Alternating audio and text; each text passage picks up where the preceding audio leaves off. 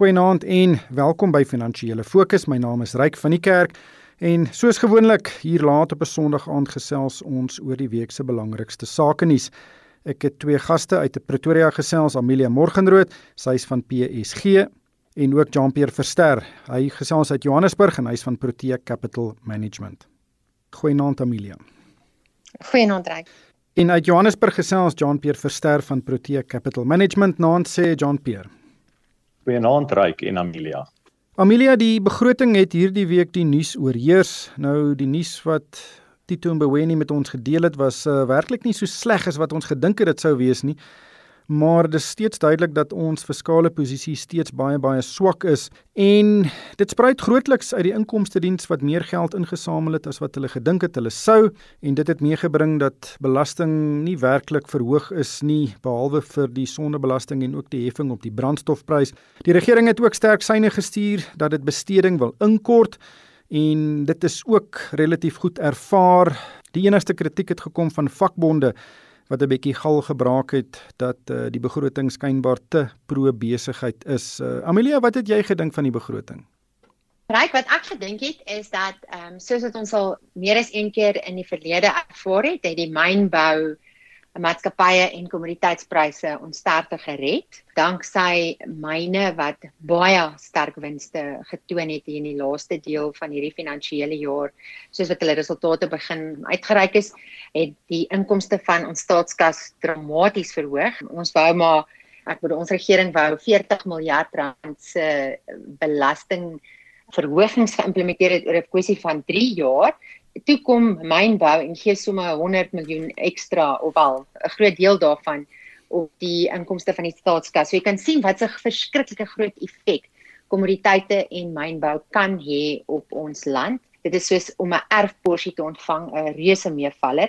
Ek bedoel die die keer wat ons ons begroting in 'n surplus gegaan het onder Trevor Manuel was danksy die super siklus van van kommoditeite gewees en hier het weer 'n keer ons gered ek dink dis net danksy dit alles wat ehm um, alles nogal redelik goed uitgewerk het. En tipies was ons begroting weer eens soos ek dit elke jaar ervaar, is so eintlik so of amper niks seggend. Daar's nooit dramatiese goed wat gebeur nie. Eintlik het ons deur baie jare gewoond geraak aan baie klein verskywingkies wat gemaak word in die begroting. Niks wat almal vreeslik omkrap nie. Ek herinner myself die hele tyd dat elke jaar is daar so 'n bietjie van 'n verligtingslopie in die aandele of in die rand of wat ook al want almal is bly dat daar niks dramaties gebeur nie. So ons regering doen nooit vreeslike dramatiese goed op een slag nie en dit is nou weer duidelik. Partykeer is daar 'n bietjie die duiwel in die detail as jy na die kleiner goedjies gaan kyk. Ek het deur van die kleiner goedjies gegaan en daar was goedjies wat my weet nie lekker aan my gesit het nie wat maar net weer wys um, dat dat dat geld nie optimaal aangewend word in Suid-Afrika nie. Ons is eintlik 'n ryk land. Kommoditeite maak ons eintlik 'n ryk land hmm. en daar word eintlik baie winste gegenereer in Suid-Afrika deur vir al die mynbouers as dit so goed gaan met kommoditeite. Ja. En dit is net hartseer in so tyd dat die geld nie 100% reg aangewend word. Ja, ek dink ons kan bly wees daar was nie dramatiese aankondigings nie want uh, ek vermoed dit sou negatief gewees het. Maar Jean Pierre, jou gedagtes? Ja, Ryk, ek sien breedweg saam met Amelia. Uh, ek sal byvoeg dat dit is verblydend om te gesien het dat uh, die vooruitsigte vir ons nasionale skuld was meer optimisties as wat die vooruitsigte was robweg 6 maande gelede met ons interim begroting. So dit lyk asof die regering in hulle vooruitsigte lyk asof ons hierdie groot skuldlas onder beheer gaan kry. My bekommernis is, is net dat dit is nog steeds 'n uh, vooruitskatting. Dis 'n belofte. En uh, ons het al gesien dat wat in realiteit gebeur is baie keer nie heeltemal in lyn met wat vooruitgeskat word nie. So in ons begroting is een groot deel van die vooruitskatting gebaseer op die feit dat ons enorme kostes gaan besnoei, miljarde rande se kostes gaan besnoei aan die besoldiging van staatswerkers. En dis 'n groot vraag of dit regtig gaan gebeur. En indien dit nie gaan gebeur nie, beteken dit dat die nuutste vooruitskattinge is hierdie keer miskien te optimisties, maar dan beteken dat ons wel probleme moontlik kan hê as 'n land wanneer dit kom by ons vlak van nasionale skuld. So dit was 'n 'n positiewe begroting of kom ons sê 'n minder negatiewe begroting as wat baie verwag het. Maar hy het nog steeds dat ons moet bewus wees en versigtig wees vir die feit dat dit nog steeds gebaseer is op toekomsvoorspellings en beloftes en die regering het nie 'n baie goeie geskiedenis van beloftes nakom nie veral in terme van die koste besnoeiing van staatswerkers nie. So ek is maar nog steeds baie senuweeagtig ryk en mense kan kyk aan die rand byvoorbeeld wat ook direk toe die begroting uitkom versterk het maar toe korona begin verswak het donderdag en vrydag wat ook 'n aandering is dat op eerste oog oogslag het beleggers en ander mense wat deur die begroting gegaan het gesien dit lyk positief maar dan miskien 'n bietjie teruggesit het en gevoel is dit realisties En die vraag is dan of ons nou hopelik die hoë pad gaan volg as 'n land en nie die lae pad waar die skuld tog 'n probleem gaan wees vorentoe. Ja, die vooruitsigte is gebaseer op eintlik aggressiewe aannames en dit is dat die Suid-Afrikaanse inkomste diens in die nuwe finansiële jaar 15% meer belasting gaan moet invorder en uh, staatsbesteding moet gesny word en dan moet die ekonomie ook met meer as 3% groei. Uh, groot aannames Maar Jean-Pierre, ek bly sommer by jou. Uh baie beleggers sal dit uh, raak gesien het dat Sasol hierdie week gesê het hulle gaan nie meer hulle regte uitgifte doen nie. En dis nadat hulle van vroeg verlede jare al af gewaarsku het en gesê luister, ons uh, skuld is 'n baie groot probleem. Ons sal dalk 'n 2 miljard dollar regte uitgifte moet doen en toe het hulle van dese week gekom of verlede week gekom en gesê luister ons hoef dit nie meer te doen nie en dis baie positief deur die mark aanvaar. Korrek, baie positief wat 'n uh, regtheid uitgif sou baie verwaterend gewees het vir huidige aandeelhouers. En huidige aandeelhouers sou gevra word om 'n wesenlike bedrag verder in te stoot in die maatskappy as hulle nie verwater sou word nie. So dit is 'n baie positiewe aankondiging. Dit was die afgelope paar maande ryk soort van verwag deur die mark. En daarom het mense nie gesien dat die Sasol aandeleprys gespring het toe Sasol dit wel bevestig dat hulle nie regte uitgif hoef te doen nie, want dit is eintlik maar gebaseer op makro-ekonomiese faktore. Primêr die versterking in die Brent ruolieprys wat nou bo 66 dollar per vat verhandel, asook die versterking in die rand. En onthou dat die versterking in die rand is nie goed vir Sasol se verdienste nie, omdat hulle hulle produkte meerendeels verkoop in US dollars. Maar dit is goed vir hulle balansstaat omdat die meerderheid van hulle skuld wel in US dollars is. So ons het hierdie interessante dinamiek waar die versterking in die rand die afgelope 6 maande was baie positief vir die balansstaat van Sasol gewees. Maar dit is nie noodwendig so positief vir die inkomste staat van Sasol vorentoe nie. En daarom, soos ek noem, het die aandeleprys nie gespring op hierdie baie positiewe aankondiging dat hulle regte uitgif gaan vermy nie. Die groot vraag tans is nadat hulle nou 'n klomp van hulle bates verkoop het en die bestuurspan het baie goed gedoen om so vinnig baie van hulle bates te verkoop. Insluitende helfte van die basischemikalie bedrywighede in Louisiana. Wat beteken dit vir die vooruitsigte vir die verdienste potensiaal van Sasol? Want hulle het amper die kroonjuwele verkoop.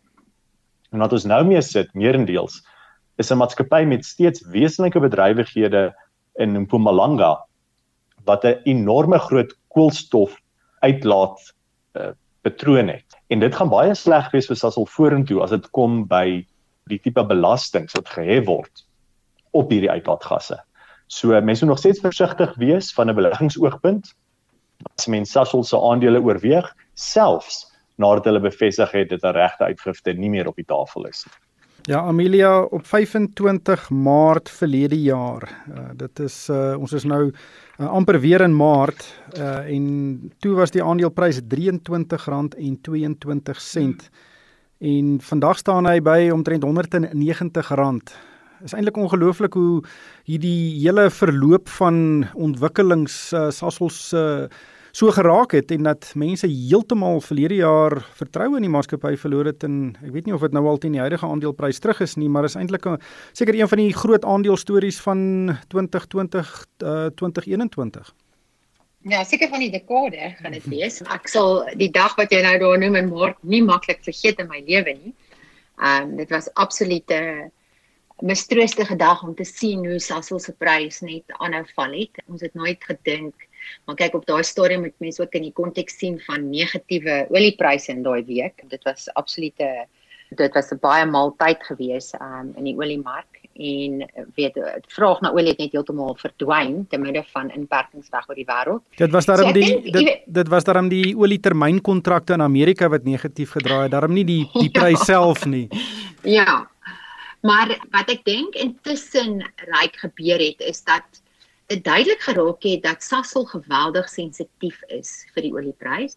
Ek dink meer as ooit as gevolg van hierdie massiewe kapitaaluitlag wat hulle gemaak het in um, Louisiana wat nie 100% uitgewerk het soos wat dit moes wees nie. So dit geweldige sensitiwiteit vir um, die olieprys. Dan is daar nog 'n faktor wat baie belangrik is en dit is die weerpatrone in Amerika weet op die oomblik gaan uh, ons nou die wintertydperk in so ehm uh, die weer gaan nie so groot probleem wees nie maar na die winter dan wonder ek jy weet die eerste sikloon wat ehm um, Louisiana weer tref um, en Sasol op sy knie bring dan wonder ek wat die impak nou gaan wees weer op die aandelepryse so wat hoe my gevoel op die oomblik van Sasol is ek staan terug en ek sê dit is nie die tipe maatskappy waarin ek wil belê vir die langtermyn wat ek min of meer 'n uh, projeksie van hulle kontantvloei kan maak en wat ek min of meer 'n idee het wat met hulle gaan gebeur nie. Dit is nou 'n hoogs spekulatiewe aandeel en ek dink dit is vir beleggers wat werklik bereid is om groot bewegings in hulle kapitaal te kan weet hulle hulle moet dit kan weerstaan en hulle moet te, hulle moet te vind wees daarvoor. Ek dink nie Sasol is meer daai selfde maatskappy wat ons gehad het jare gelede waarin beleggers maar net onin kon belê en basies die jy weet die aandele daar in die onderste laaiberge vir hulle kinders nie. Dink jy Sasol werk nie so nie. Ja, ons sal dit verseker dophou. John Pierre Amelia het vroeër verwys na die kommoditeitsmaatskappye wat so goed vaar omdat die kommoditeitspryse so hoog is en dit maak dit moontlik dat hierdie maatskappye sulke reuse belastings kan betaal. Ons het hierdie week gesien verskeie kommoditeitsmaatskappye het resultate aangekondig, Harmony, Impala Platinum en ook Anglo American Platinum en al drie van hulle het ongelooflike verbeterings in hulle winssyfers getoon. Ek weet uh, Impala byvoorbeeld het 10,5 miljard rand se belasting betaal. Nou as die regering se enstof uitrol program 20 miljard rand kos wat sommige mense dit opraam, dan beteken dit dat Impala op sy eie die helfte van daardie hele program kan finansier met die belasting wat hulle vir 'n 6 maande tydperk moet betaal. Korrek en soos Amelia vroeër genoem het, hierdie platinum maatskappye het amper ons bas gered as 'n land omdat hulle so baie belasting betaal omdat hulle sulke groot winste maak. So 'n ongelooflike prestasie van al ons platinum mynboumaatskappye, maar ek sou sê veral Bala. En dit is net ongelooflik as mens drink amper amper soos die Sasol voorbeeld as mens nou noem dit so 3, 4 jaar terug gaan, het hierdie platinum mynboumaatskappye se aandelepryse ook met tussen 8 en 10 keer gestyg. En dit wys net weer eens hoe dinge werk in die kommoditeitssektor. En dit is dat al hierdie maatskappye se winste word gedryf deur die deur die prys van die onderliggende erts of metaal wat hulle vervaardig. En dit is die primêre dryfveer tot hulle winsvlakke. En in tye wat die onderliggende metaal of erts se prys onder druk is, dan hierdie maatskappye in groot moeilikheid kom. En in tye wat die onder uh onderliggende metaal of erts se prys styg en baie hoog is, kan hulle enorme winste maak. So dis baie sikliese maatskappye. Nou die goeie nuus vir beleggers in hierdie maatskappye, die platinum maatskappye, is as ons nou kyk na die prys van uh van die PGM metale, die platinum groep metale, is die bondelprys jaar tot datum nog verder op. En die rand het verswak. So so goed as wat dinge was in die 2020 kalenderjaar potensieel gaan dinge selfs beter wees in die 2021 kalenderjaar. Solank die prys van die onderliggende platinum metale hoog bly.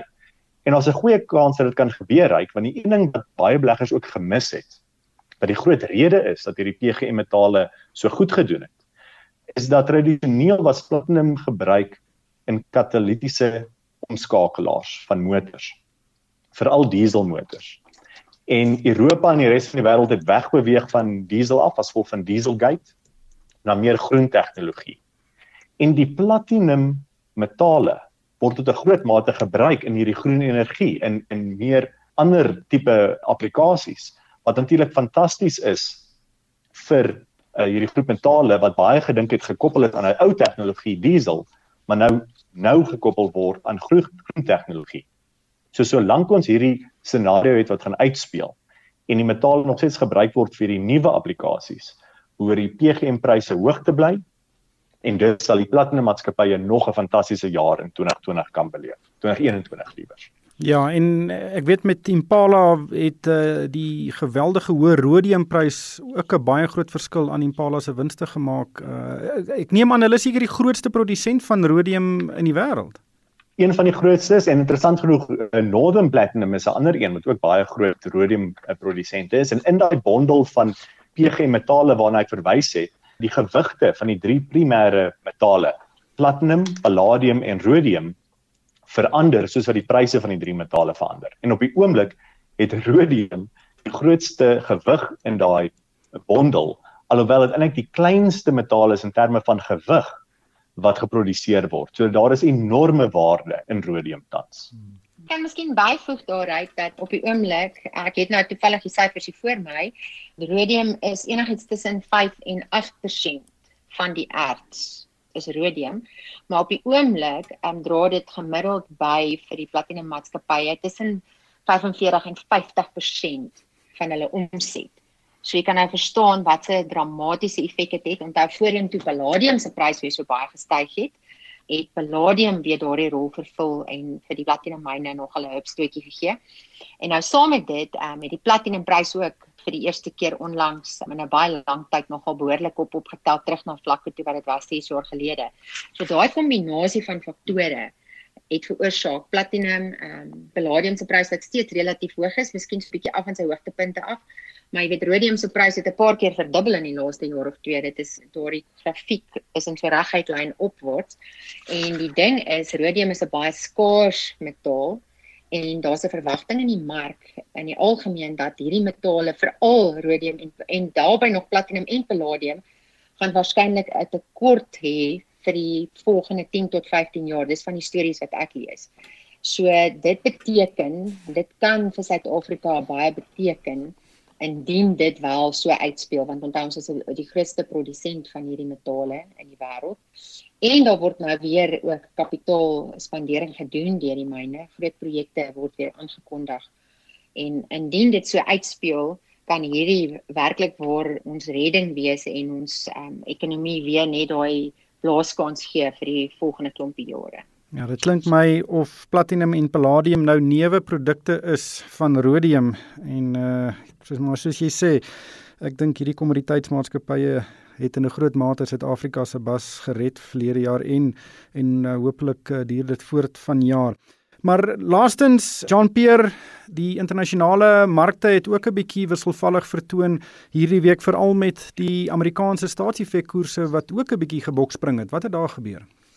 Korrek ryk en dit is eintlik ongelooflik. Eh, die koers het maar net geskuif vanaf noem dit na 90 basispunte na 1.6%. So mense sal dink ag, dis nie veel nie, dis maar 80 basispunte beweging. Maar dis amper 'n verdubbeling van wat die 10 jaar koers was op Amerikaanse staatseffekte teenoor wat dit nou vandag is. En 'n verdubbeling in enige enige 10 jaar koers is eintlik 'n enorme beweging in persentasieterme. So dit het daartoe bygedra dat ekwiteitsbeleggers 'n hoër diskontokoers moet gebruik wat veral negatief is vir maatskappye wat meeste van hulle winste ver in die toekoms maak.